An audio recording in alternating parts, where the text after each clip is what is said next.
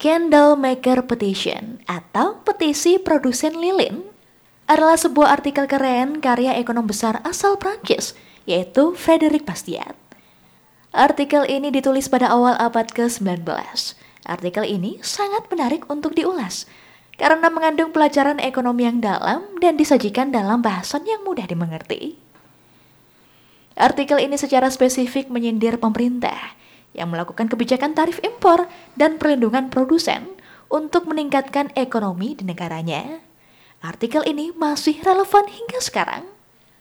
Mari kita simak ceritanya. Pada awal abad ke-19, bola lampu dari listrik belum ditemukan. Orang terbiasa beraktivitas malam dengan menggunakan penerangan yang berasal dari pembakaran lilin, lentera, petromak, atau kayu. Pada zaman itu, banyak sekali produsen yang tergabung dalam rantai pasok industri penerangan, seperti lilin, lentera, minyak, sumbu, kawat, besi, resin, dan alkohol. Suatu ketika, produsen merasa dirugikan oleh datangnya rival yang tangguh tak terkalahkan. Produsen industri penerangan mengalami penurunan pendapatan karena sinar matahari bersinar lebih lama daripada biasanya.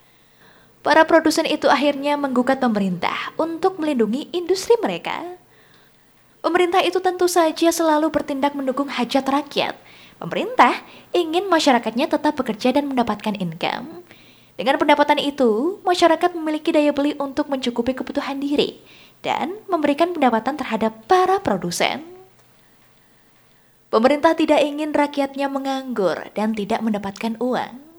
Dengan pertimbangan itu, pemerintah mengabulkan petisi atau permintaan dari koalisi produsen lilin.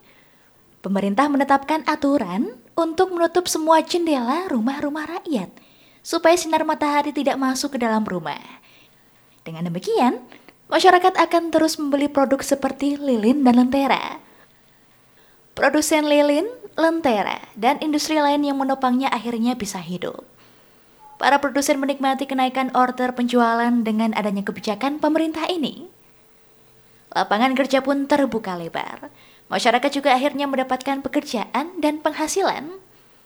Roda ekonomi sepintas terlihat menggeliat. Benar memang, produsen mendapatkan profit yang melimpah dari kebijakan ini. Pemerintah juga mendapatkan pendapatan dari pajak, menurunkan angka pengangguran, dan menyejahterakan rakyatnya.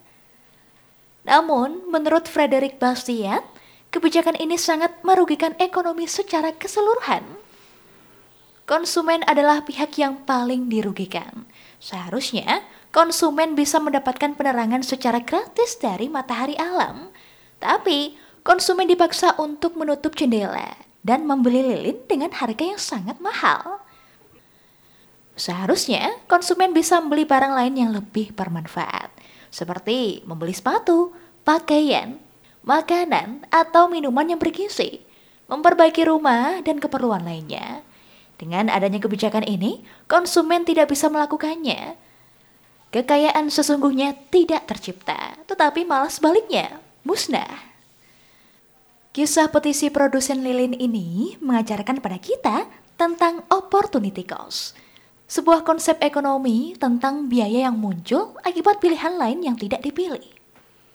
Dari kisah ini, kita disarankan untuk bisa melihat apa yang tidak terlihat, tentang konsekuensi yang tidak diharapkan dari sebuah kebijakan tertentu, tentang konsep jangka panjang dan jangka pendek.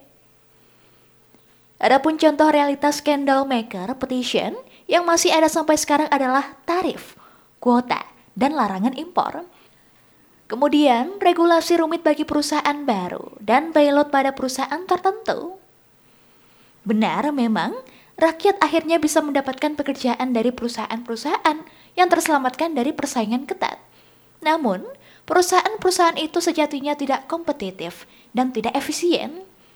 Pekerjanya pun sebenarnya adalah orang pengangguran terselubung dan tidak produktif secara ekonomi keseluruhan. Benar memang, perusahaan bisa terlindungi dari perusahaan lain yang lebih efisien di luar negeri melalui kebijakan tarif, kuota, dan larangan impor. Tapi, harga mahal produk dalam negeri yang tidak efisien itu harus dibayar oleh rakyat itu sendiri yang berlaku sebagai konsumen.